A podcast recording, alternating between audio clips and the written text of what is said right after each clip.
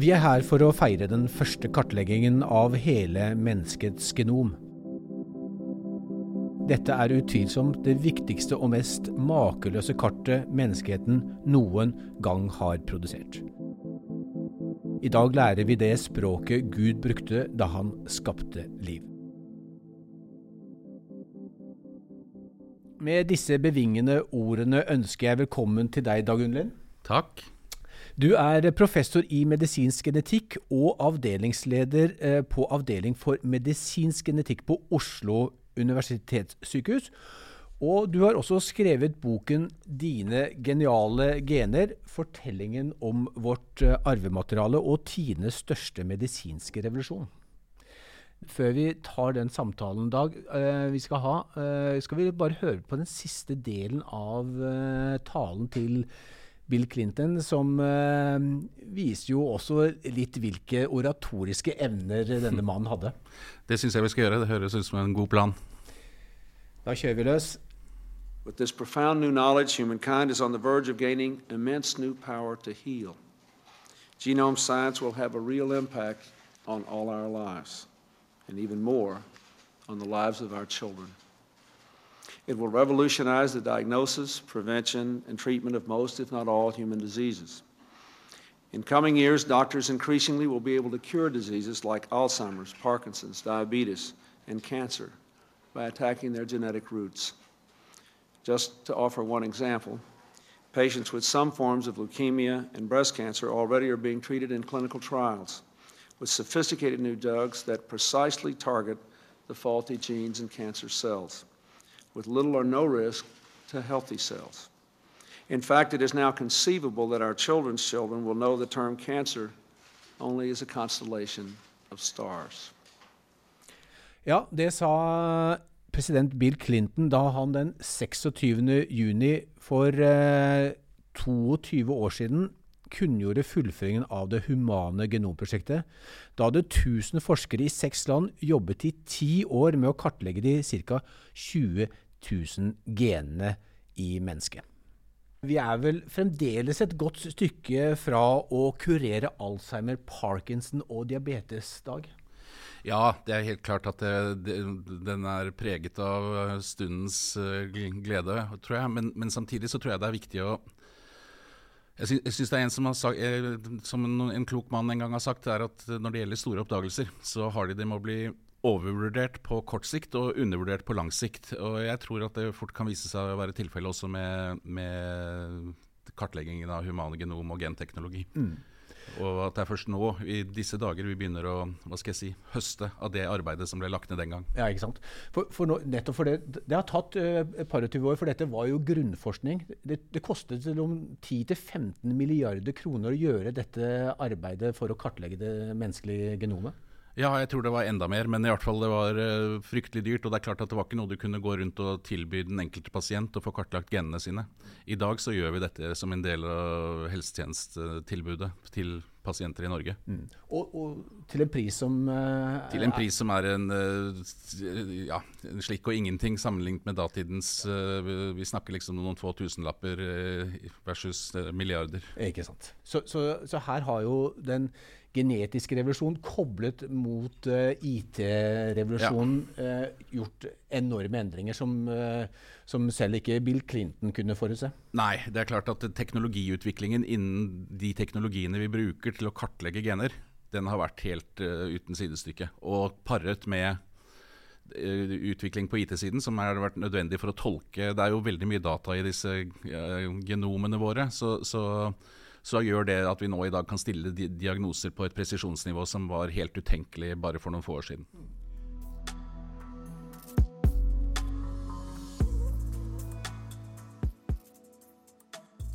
Dag, vi, vi, skal gå videre inn uh, i denne samtalen vår og, og snakke om er, uh, hvilken muliggjørere som uh, genteknologien gjør for oss, og ikke minst for helsevesenet i den medisinske revolusjonen, eller den persontilpassede revolusjonen. Men la oss gå litt tilbake til naturfagtimen, der vi lærte Kanskje ikke du og jeg, da, for vi lærte knapt, jeg husker knapt jeg lærte om celler. Ja. Men når jeg gikk på skolen, så var DNA og gener eh, det var gresk, nesten bokstavelig talt. Ja. Eh, men, men, gi oss en liten innføring, eh, som du bl.a. gjør i boka di, Dag. Ja, jeg skal prøve, prøve på det. Altså, den informasjonen vi arver fra våre foreldre, den er, befinner seg i form av DNA-molekyler. Uh, og de DNA-molekylene er svære, men vi kan sammenligne summen av alle DNA-molekyler i en celle. Det er det vi kaller genomet, som dere sikkert kommer til å komme innom flere ganger i denne podkastserien. Genomet det kan sammenlignes med en kokebok. Og det er en kokebok på hvorfor du og jeg er som vi er. Det, det er en kokebok som som uh, egentlig inneholder oppskrifter på hvordan vi skal lage hår, hud, hjerte, lunger alle de oppskriftene som gjør at, at, disse tingene lages og at de fungerer som de skal, de befinner seg i denne kokeboken. Uh, og totalt sett så har vi 20 000 enkeltoppskrifter. Som er det som uh, vi kaller gener, ut fra denne, i denne analogien. Så har vi 20 000 ulike oppskrifter som, som vi, er det vi kaller genene. Og hvis vi skal komplisere det ytterligere litt, så er det noen som har hørt om kromosomer, som er på en måte det er egentlig bare en, hvordan DNA-molekylene er pakket inni våre, inni våre, celler. De er pakket i form av kromosomer, som vi har 46 av. Så til sammen så har vi på en måte du kan si 46 ulike uh, DNA-molekyler som til sammen utgjør vårt genom. Ut ifra en kokeboktanke igjen, så kan vi si at dette er kapitlene i, i boka. De utgjøres av kromosomer. Det er en enkel måte å si det på. Men, men det er en annen grunn til at at det er meningsfullt å snakke om kokebok, er at måten vi faktisk leser DNA på det, Vi leser det faktisk som en tekst. Det er noen kjemiske uh, Det er fire grunnenheter i disse DNA-molekylene som vi betegner med fire ulike bokstaver. A, G og C og T, for de som har spesiell interesse av det. Uh, og når vi sitter og, i, i, vår avdeling, så får vi inn pasienter med arvelige sykdommer. Og så skal vi lete, lete etter er det noe feil i denne kokeboka til denne pasienten som forklarer hvorfor pasienten er syk. Da er vi faktisk korrekturlesere. Og vi leser om en av disse bokstavene er byttet ut med en annen. Uh, Til sammen så er det tre milliarder bokstaver i dette genomet, så det er en ganske svær kokebok. Større enn noe du får i bokhandelen. Mm. Men, men, uh, men uh, ja, så det er en ordentlig stor og, ordentlig, og den viktigste kokeboken vi har, som vi har fått av våre foreldre. Eh, et par eh, fra far og et par fra mor. Det er, det er de vi får. Ja, vi, vi, I utgangspunktet så har vi det er riktig som du sier. Altså, vi har, du kan i praksis si at vi har to kopier av denne kokeboken som ikke er helt like, men nesten like. Den ene har vi fått fra far, og den andre har vi fått fra mor. Mm. Og det berger oss i noen sammenhenger. fordi det kan være at du har fått en feil i kokeboken fra far, men så hvis du har fått det, det, det samme oppskriften fra mor fungerer som den skal, så kan det gjøre at vi tross alt fungerer eh, greit allikevel med det. Så, så, eh, noe av problemene kan oppstå dersom eh, begge kall oppskriftene du har fått fra mor og far, de har en skrivefeil. Og, og da kan det gi ja. en typisk genetisk sykdom. Ja, hvis det, de samme, hvis det, er den samme oppskriften som er, har en feil både fra mor og mm. far, så kan det ja. i mange tilfeller føre til sykdom. Eller at kanskje du ikke engang ser dagens lys fordi det er så alvorlig. Uh, men, og dette er også grunnen til at de, de, fleste av oss går jo rundt med noen sånne skrivefeil, noen genfeil i våre genomer. Men til tross for det så er de fleste av oss ikke rammet av noen arvelig sykdom. Og det kan i mange tilfeller skyldes at du da har bare én av de to kopiene. Det er en god forsikring å ha fått ett genom fra mor og ett fra far mm. som, uh, som uh, dekker, dekker, hverandre, kan du mm. si. Ja, Naturen er viselig anlagt. Eh, de siste årene som vi var inne på, så har det skjedd gjennombrudd i behandlingen av en del uh, genetiske sykdommer. Og de aller fleste av disse er jo svært sjelden. Skal vi starte helt fra starten, Dag? Altså, når i, vi som er så heldige bor i et vestlig land uh, og i Norge, så, så, starter jo livet med at man uh, blir prikket i, i, i foten, i, i hælen, og så tappes det, eller tas noen få dråper blod. Og så sendes det en til, til Rikshospitalet fra alle fødeavdelinger i Norge. Og så, så starter man egentlig måte, det den medisinske reisen. Ja, det er helt riktig. Man har definert uh, noen sykdommer, uh, nå er det vel noen og 20 i tallet, som, uh, man, som, er arvelige, og hvor man mener at man har hvor det finnes god behandling som kan forhindre at disse barna blir plaget sånn som de ellers ville blitt. Mm. Og, og, da stikkes de i foten. Og i, i dag, er, Selv om det er arvelige sykdommer, så undersøkes de fleste av dem per i dag med det vi kaller biokjemi. Men det er mer bare en praktisk uh, måte, hva, hva, som er enklest i det konkrete tilfellet. Mm. Eh, men kreft er jo også et av de områdene hvor det har i hvert fall vært veldig store forventninger til eh, persontilpasset medisin. Eh, og vi hørte Bill Clinton eh, nevne det bl.a. Han, han nevnte jo brystkreft som ja. et av eksemplene. For der startet man jo veldig tidlig. Kan ikke du fortelle litt om den utfordringen som, som ligger innenfor brystkreftdiagnosen på, på, på gensiden? Jo, altså det, du kan si at uh, kreft, all kreft er kjennetegn til at det er genfeil i de kreftcellene. Og som disse genfeilene bidrar til at disse cellene vokser ukontrollert. Det er liksom en, et, kjennet, et, klassisk kjennetegn ved kreft. Disse genfeilene de kan komme fra to kilder. altså Enten så har du arvet dem av en av dine foreldre. Eller så har de oppstått i løpet av livet. DNA-et vårt kan skades i løpet av livet, og da kan det oppstå såkalte nye mutasjoner. og de kan de introduserer da genfeil som i verste fall kan føre til kreft. Ja, og Det er sånne ting som uh, røyking, dårlig kosthold, uh, ja. være utsatt for asbest um, Sollys. Sollys, selvfølgelig. Så, så det, er, det, er, det, er, ikke godt du, du, klarer ikke å unngå at det vil kunne oppstå genfeil hos deg, men, mm. men du kan gjøre noe for at blir, sannsynligheten blir mindre. Mm, mm. Men eh, hvis vi går til det, det medfødte sykdommen, ja. så, så, er jo da eh, det en, en, en, eh, genfeil som, som, som ja. påvirker brystkreften. Og, og, hva er det? Nei, Det er noen av oss som er født med genfeil i bestemte gener. De mest kjente er eh, de som kalles BRCA1 og BRCA2. Mm. Uh, men det er også noen andre etter hvert som man har blitt klar over, som gir da en betydelig økt risiko for å få kreft. Og, og hvis du har arvet en sånn fra fødselen, så snakker man om kanskje livstidsrisikoen din for å utvikle brystkreft er på 60-70 mm. Sammenlignet med resten av befolkningen, som kanskje har noe sånn, eh, eller den kvinnelige befolkningen særlig, som kanskje har en risiko på oppimot 10% eller så mm. i løpet av livet. Sånn at da er risikoen så stor at uh, at uh, de kvinnene de vil ofte få tilbud om eventuelt å fjerne bryster profylaktisk, altså forebyggende. Fordi sjansen for at de får kreft i dem er så stor. Mm, ja. Det er selvfølgelig vanskelige valg for de det, de det gjelder. Du skriver bl.a. i boken din at Angelina Jolie, som eh, de fleste vel kjenner, eh, fall hørt om, ja. hun gjorde nettopp det. Fjernet brystene sine fordi hun hadde en familiær høy risiko for å utvikle brystkreft. Ja, og det, dette gjelder vel kanskje oppimot uh, eh, 5 eller noe sånt nå av brystkreftpasienter. Mm. Så det er mindretallet som har uh, dette som en hovedårsak for sin kreftsykdom. Finnes, men, men, det finnes også medisiner for dette? Ja, det finnes også medisiner. Det har kommet nye medisiner som, uh, som testes ut rundt når det gjelder, særlig gjelder mutasjoner i BRC1 og 2. Altså mm. noen sånne parphemmere osv. Mm. Som, som nå tas i bruk. De er tatt i bruk allerede for, uh, bestemt, for eggstokkreft, som også de samme, de samme, genfeilene kan, eh, gir også økt risiko for eggstokkreft, og der er det tatt i bruk uh, i dag. Mm. Og man forventer at det kanskje kommer også for uh, brystkreft etter hvert. Mm. En stor diagnose. Brystkreft. Uh, endetarmskreft eller tykk- og endetarmskreft er en annen sykdom som også har i stor grad et genetisk oppe. Det, det er såkalt MSI-high-kreft, som kan forekomme etter det jeg har lest rundt, på rundt 15% av alle tarmkreftsykdommene.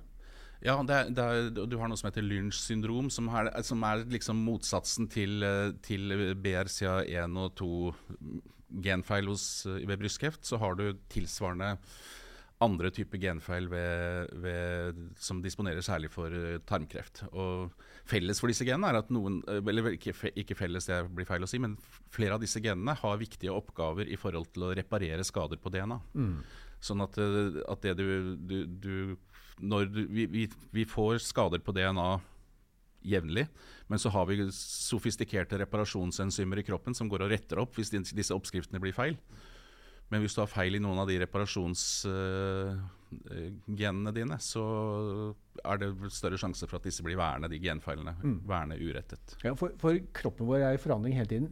Vi, vi får ny, altså, kroppen, cellene, fornyer seg eh, kontinuerlig. Ja. Eh, og da i alle disse kopiene så, så kan hver det skje gang, av og til en feil. Hver gang liksom DNA kopierer seg, for det gjør det når cellene deler seg, så kan det liksom skje en en uh, liten feil, og de bør man helst få rettet opp. Mm. Vi var litt inne på det i dag, men persontilpasset medisin eh, er jo et eh, veldig generelt begrep. Eh, hvor godt det er, kan vi vel diskutere. Ja. Det er jo ikke akkurat slik at eh, leger eh, nå i de siste 10-15 årene har begynt å, å, jobbe persontilpasset. Det har jo vært en ambisjon eh, i alle år, fra Hippokrates i, i gresk antikk 400 år før Kristus. Men, men nå er kanskje mulighetene litt større. Ja, det er det som jeg tenker er forskjellen. Altså, det er det, for, noen blir jo sinte når man sier at uh, så jeg jobber ikke persontilpasset. Jeg, mm. liksom, og det, det, er klart, det gjør man. man, mm. man leger flest er gode, håper jeg, til å gjenkjenne pasienten og se hvilke behov vedkommende har. Men, men det, det, det for, dette betyr for meg, er jo på en måte at du har fått nye teknologier som gjør at vi kan finmasse Vi får et mye mer detaljert bilde av den enkelte pasienten. Uh, per, i, i, dag så har vi hittil eller hittil så har det liksom vært ganske grove kjennetegn ved pasienten vi har klart å forholde oss til. Nå plutselig så får vi kartlagt uh, kanskje alle genene til pasienten, og da vet vi mye, mye mer. Og det gjør det åpner mulighetene for å tilpasse behandlingen ikke bare til den personen jeg ser i stolen der, men den, hva faktisk vedkommende har inni genene sine. og Det, det gjør at jeg kan treffe mye, mye mer presist. Mm. Så presisjonsmedisin er kanskje et like godt begrep av, som persontilpasset. Og, og presisjonsdiagnostikk gjennom en såkalt NGS Next Generation Sequencing, det, det, er jo et tilbud som er i sin spede begynnelse i Norge, og kan vi si også i de fleste deler av verden. Vært, Norge er kanskje litt på etterskudd, har i hvert fall blitt sagt at vi er det. Men, men Dag, eh, det innebærer at man gjør en biopsi av eh, f.eks. hvis du har lungekreft så, eller et bryst, eh, og, og, så sjekker man dette i, i en, liten en ganske liten maskin. Ja, den, ikke, den, ser ikke så mye mer imponerende ut enn det vi hadde for ti år siden, men den er bare utrolig mye mer effektiv. Mm. Det, den er Ja, sånn at da kan vi kartlegge hva skal jeg si, kokeboken i kreftcellen, som da vil se litt annerledes ut enn den kokeboken man har født med. Og Basert på hva man finner der, så kan, man, eh, kan det føre oss til, eh, mot en mye bedre behandling i noen tilfeller. Podkastserien Den persontilpassede revisjon har vært spennende å lage, men den har også krevd mye arbeid. Bak serien står et team med videofotograf, producer, redigerer, digital markedsfører og undertegnende. Podkastserien hadde aldri sett dagens lys uten våre hovedsponsorer. Jeg vil derfor sende en stor takk til AstraZeneca, Bristol Mayer Squibb, GlaxoSmithKline, Jansen og Roche. Besøk gjerne denne websiden vi har laget spesielt for denne serien. Webadressen er www.dptr.no. Her ligger det bakgrunnsinformasjon, og du kan ikke minst se alle videoene som er laget til hver episode. Hvis du synes denne episoden var interessant, så del den gjerne med din familie, venner og kolleger. Som alltid vil vi gjerne ha tilbakemeldinger fra dere, ris og ros og kommentarer. Det er det som inspirerer oss til å lage dette innholdet. Du må gjerne sende meg en mail til hans at heltalk.no. Det er altså hans at heltalk.no. Takk for at du lytter til den persontilpassede revolusjonen.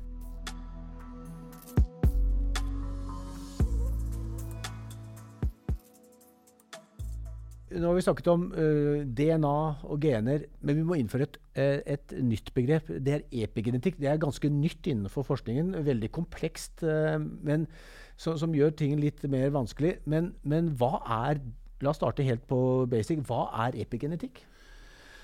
Ja, Epigenetikk det er, altså, det er noe som vi er helt avhengig av å ha. og Det, på, det, dreier seg om hvordan vi regulerer gener ved å skru dem av og på. Mm.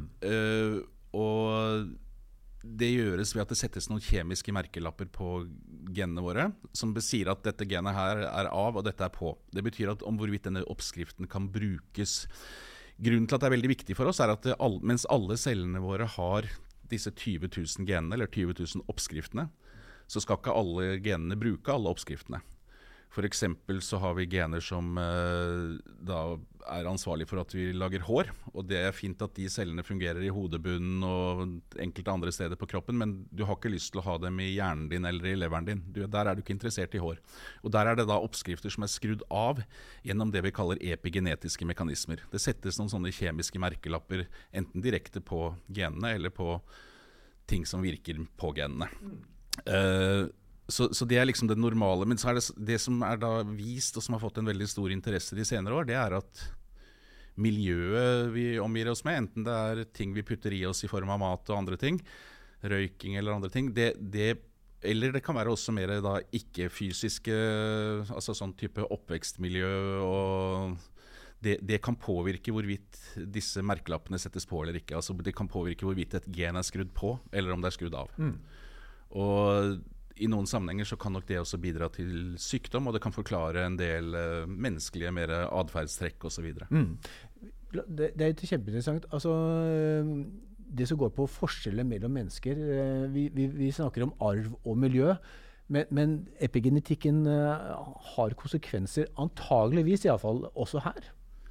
Ja, det, og det, det som, er, ja, som jeg, gjør at jeg, i hvert fall jeg syns epigenetikk er veldig interessant, det er jo at det plutselig så hva skal jeg si, Vi vet etter hvert mye epidemiologisk forskning og sånn har vist oss at uh, det, vi påvirkes av mange ting, og at det påvirker vår risiko for helse og mange andre ting. Men vi har veldig ofte en dårlig forklaring på hvordan det påvirker oss. Mm.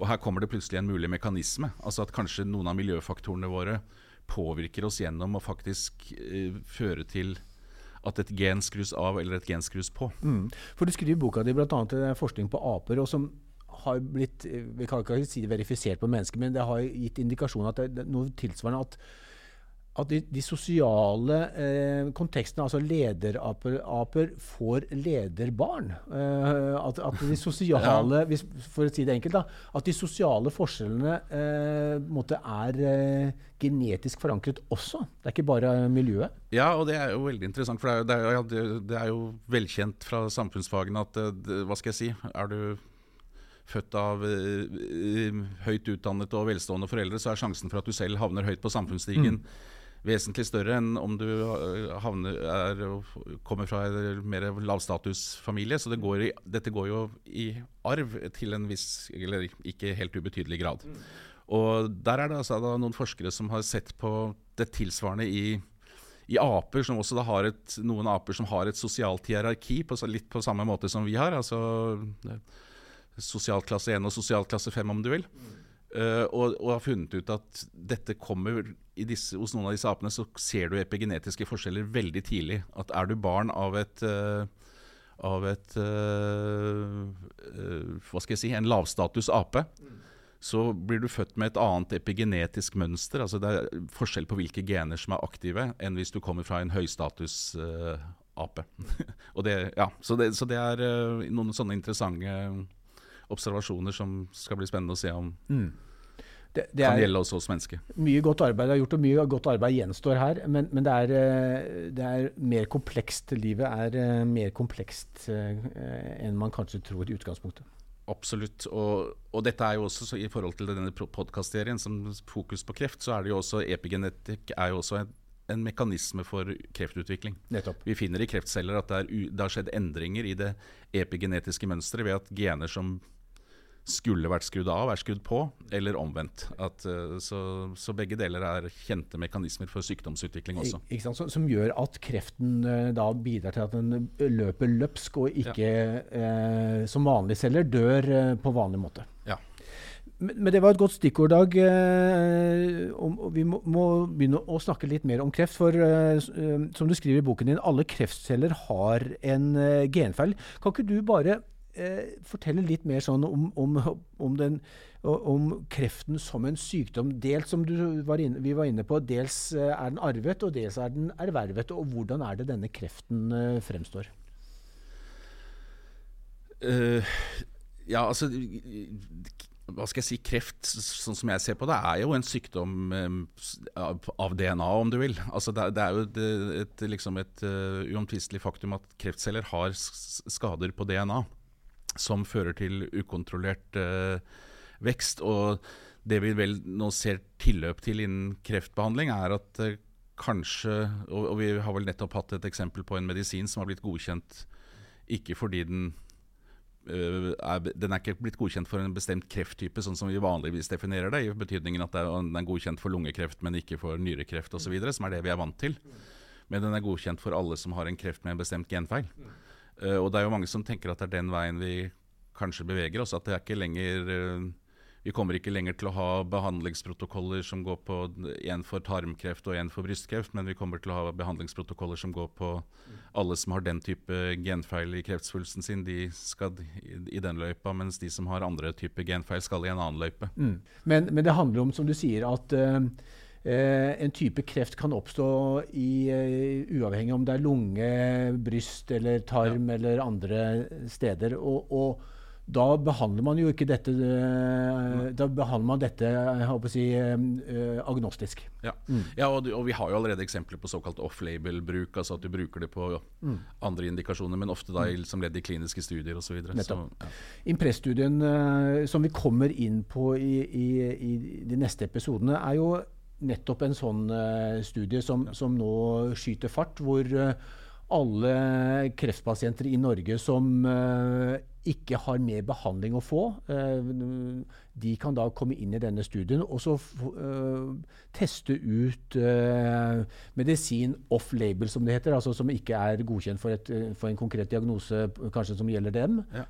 og så ser man konsekvensen, eller resultatene av det. Ja. Ja. Veldig spennende. Det er veldig, veldig spennende. Eh, eh, vi var litt inne på det, men, men eh, og, og i, i, denne studien så, så, tester man jo da for alle disse pasientene et tilbud om uh, gen, uh, gensekvensering. Mm. Tror du at det kommer til å bli et tilbud til alle kreftpasienter, eller må vi vente til, til vi eventuelt har fått en metastatisk kreft? Nei, jeg tror på sikt så, så er jeg ganske overbevist om at dette kommer til å bli et tilbud som flere og flere pasienter får. Og, og så, så det, det, tror jeg bare man må regne med. Og du kan si at det, det er jo mye som kunne tale for at mens Impress-studien eh, liksom fokuserer på de som har kommet ganske langt i sitt sykdomsforløp, at dette er noe man burde gjøre veldig tidlig. Eh, så, så jeg tror jo at det vi, Jeg kjenner det fra liksom medisinsk genetikk, altså de sjeldne arvelige sykdommene. så så det vi ser, er jo at fra, mens det tidligere så var liksom gentester noe dyrt og komplisert, hvor, som gjerne var siste ledd i en utredning som hadde strukket seg gjerne over mange år for å finne ut hva som feilte pasientene, så skyves det lenger og lenger fram i behandlingsforløpet. og Vi nærmer oss liksom hvor det er det første du gjør. Når du har en mistanke om en alvorlig arvelig sykdom, så er det første vi gjør, er å gjøre en omfattende gentest. og I dag så gjør vi det bl.a. ved å kartlegge hele genomet til pasienter i en god del tilfeller. Ikke sant. Og, og det, jo, jo, før, jo bedre. Men det har jo et uh, kanskje en, ikke bare kanskje, den har jo en stor økonomisk og en, og en arbeidsmessig implikasjon dersom alle kreftpasienter i Norge der, ja, da, det er, skulle få tilbudet. Mm. Det er klart det er, det er mye både sånn kost-nytte-effekt og ting som, som uh, skal på plass. Og, og, men, men hva skal jeg si, forskningen og kunnskapsgrunnlaget går jo fryktelig fort om dagen. sånn at mm at eh, det, det, vil overraske meg veldig om ikke dette med å gjøre litt mer omfattende gentester mm. er en rutine om ikke så altfor mange år. Mm. Vi, vi, snakker jo denne til, denne, uh, på denne måten om, om det disruptiv teknologi. For det, det jo, dette, dette, dreier seg jo egentlig om, uh, om disruptivitet. altså kalle, skal, Det er et godt engelsk ord, men hva, hva skal vi oversette det til norsk på? Ja, Det er et veldig godt spørsmål. Det har jeg også klødd meg i hodet. Jeg har til og med kontaktet min gamle klassevenninne Helene Uri om det. Spurte jeg om hvordan oversetter jeg dette.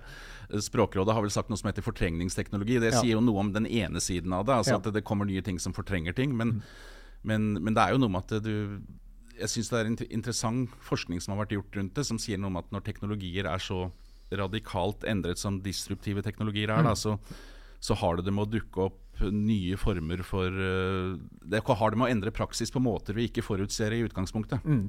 Og det, det, var jo professor eh, Clayton Christensen på Harvard School of Economics som lagde, uh, etablerte dette ordet på 80-90-tallet en gang. Og da brukte han jo bl.a. noen eksempler på, på mikroprosessoren. Ja. Han har jo også vist hvordan musikken har endret seg slik at i, i dag så kan, vet jo alle hvordan man uh, laster ned uh, og ja. hører uh, musikk gjennom sin mobiltelefon. Men det er ikke så mange år før siden du måtte enten kjøpe en plate eller enda tidligere gå ja. på en konsert for å høre mu ja. musikk. Så, så, det har jo blitt så, så poenget hans er jo at, at det å høre på musikk i dag er ekstremt mye billigere enn det var for 100 år siden, og, og dermed tilgjengelig også for langt, langt flere. Ja, og det, det eksempelet syns jeg egentlig er ganske interessant. For eh, de som først i sin tid fant, fant ut hvordan man kunne digitalisere musikk mm. Jeg er ganske sikker på at ingen av de så for seg Spotify med en gang. Mm. Og, og, og, de som så fant opp Spotify, det var ikke platebransjen. Det var, det var folk utenfor det tradisjonelle musikkbransjen på den tiden. Mm. Det syns jeg er in interessante ting som jeg, det kan være verdt å reflektere litt over. fordi ja.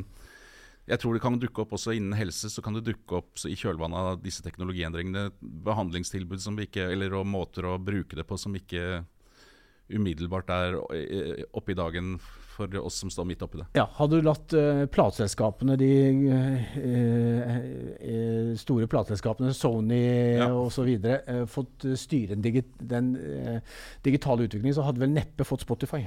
Nei, det tror jeg også er ganske klart. Det er, ja, det er og, og, det skjer enormt mange ting innenfor behandling. altså Innen diagnose det har vi vært gjennom.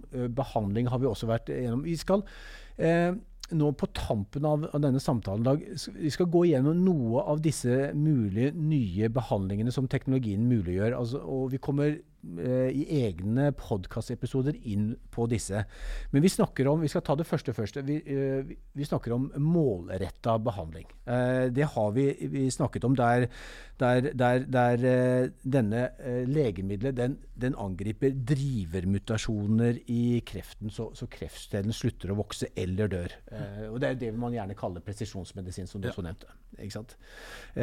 det vokser, Nå kommer det mange nye slike legemidler. Helt klart. Vi har jo allerede vært innom det, noen av det. Altså, I hvert fall sånn som det vurderes per i dag. så Parpemmeren er jo et eksempel. Du får det hvis du har den genfeilen og ikke den andre.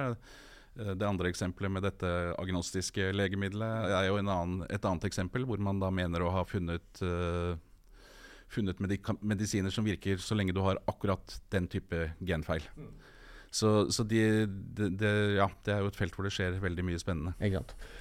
Uh, så har vi det som sikkert mange av våre seere og lyttere har hørt om, CAR-10-behandling. altså eh, Emily Whitehead eh, var den første som ble behandlet med dette helt tilbake i 2010. Hun hadde en blodsykdom, akutt lymfoblastisk leukemi. Eh, hun ble kurert for sykdommen. Hadde, hadde ellers hatt, ville hatt en tragisk utfall. Ja. kan du bare raskt gi oss et lite innblikk av i hva denne teknologien representerer i dag? Ja, nei, det, det, er jo, det, er jo, Hva skal jeg si et, et eksempel på at man uh, bruker Hva skal jeg si spiller på vårt eget immunforsvar og manipulerer det. Men også her er genteknologi helt sentralt. for Man gjør jo genmodifiseringer uh, av Man tar ut noen av pasientens celler, som er immunceller, som da skal forsvare oss. Og så gjør man modifiseringer som gjør at med hjelp av genteknologi som gjør at disse cellene plutselig blir gode til å gjenkjenne kreftcellene som noe fremmed. Mm. Og behandler de på samme måte som de behandler et virus eller en uh, bakterie. Mm. Så det er uh, veldig spennende teknologi. og e, e, Et eksempel på hvordan vi, modulering av immunforsvaret kan være med på å bekjempe kreft. Vi har jo den tradisjonelle immunterapien også. Vel... Litt mer sånn eh, den som kom for 10-12 år siden. Ja. Um, og, og CAR-10, bare for å ta, ta det eh, da, da, endre, da, da, bruker man et, uh, en vektor, en, et leveringsmekanisme, som er en, et ufarlig virus, og så putter man genendringen inn i dette, og så infuserer man disse T-cellene tilbake i blodet. Ja. Ja. Og den gen, kan godt være at den uh, genredigeringen etter hvert vil bli gjort med andre metoder òg. Altså sånn CRISPR-teknologi og andre ting. Mm. Altså, det, det, må jeg også si noen ord om. CRISPR det, det har jo både fått uh, god og dårlig PR. Det, det, kan jo som all annen uh, teknologi misbrukes. Men gi oss en kort innføring om hva CRISPR er, Dag. CRISPR er egentlig et ja, altså, I utgangspunktet så er det et forsvarssystem som bakterier har utviklet. altså et, En del av noen bakteriers kall det immunforsvar, som de bruker for å beskytte seg mot virus. Det høres kanskje rart ut, men bakterier kan bli infisert av virus.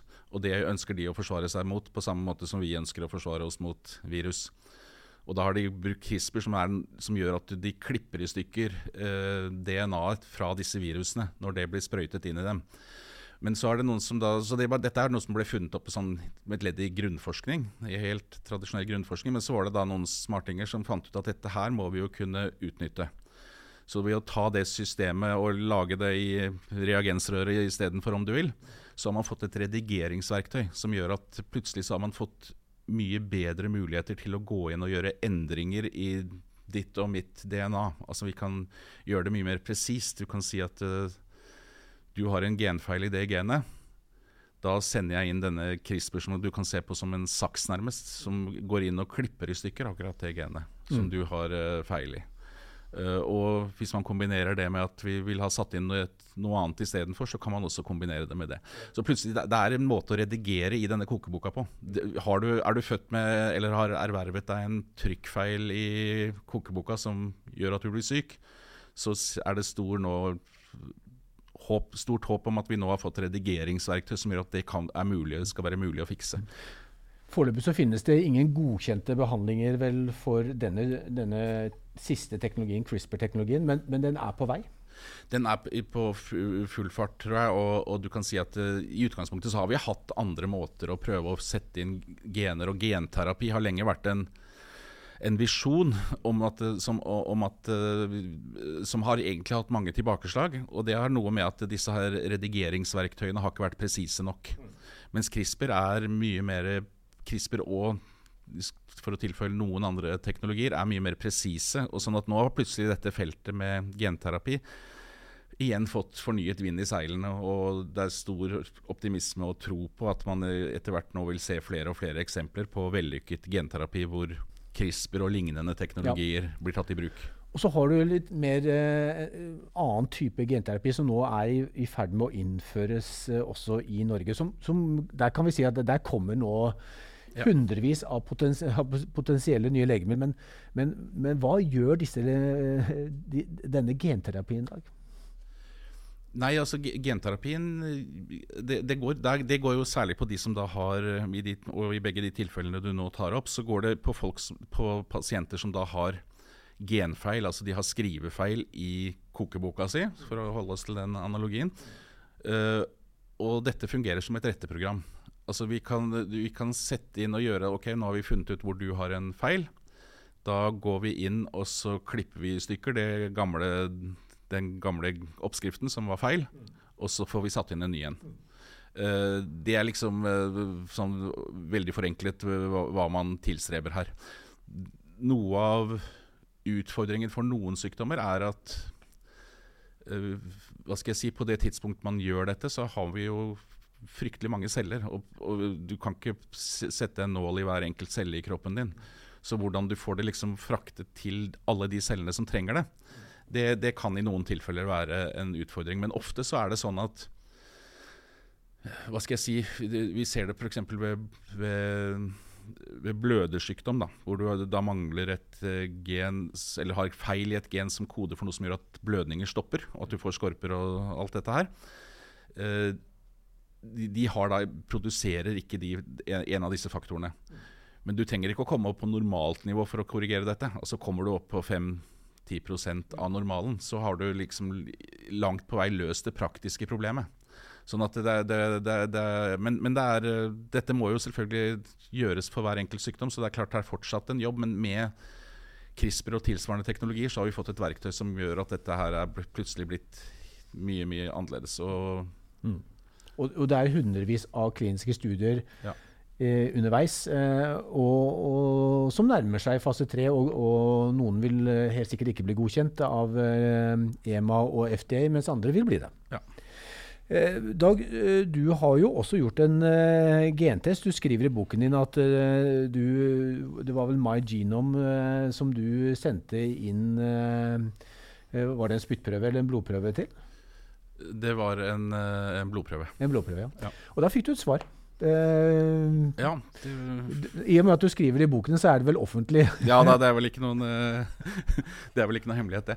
Nei, da, altså, jeg, jeg, gjorde dette i, tilbake i 2013, var det vel. Og det fikk kartlagt da, det såkalte genomet mitt, altså alle genene mine. og bare sånn at jeg ikke det, Dette skal ikke være noe reklame for at det er en veldig fornuftig ting å gjøre i dag. Det tror jeg ikke nødvendigvis det er for hvermannsen. Men jeg, for meg var det interessant. fordi også som en læreeksempel, fordi vi begynner å ta i bruk dette. og da når du får så mye data, så er det ikke alltid opplagt hvordan du skal hva skal jeg si, uh, hvordan du skal håndtere det. Hva, hva, ønsker pasienter å vite, og hva ønsker de ikke å vite, osv. Mm.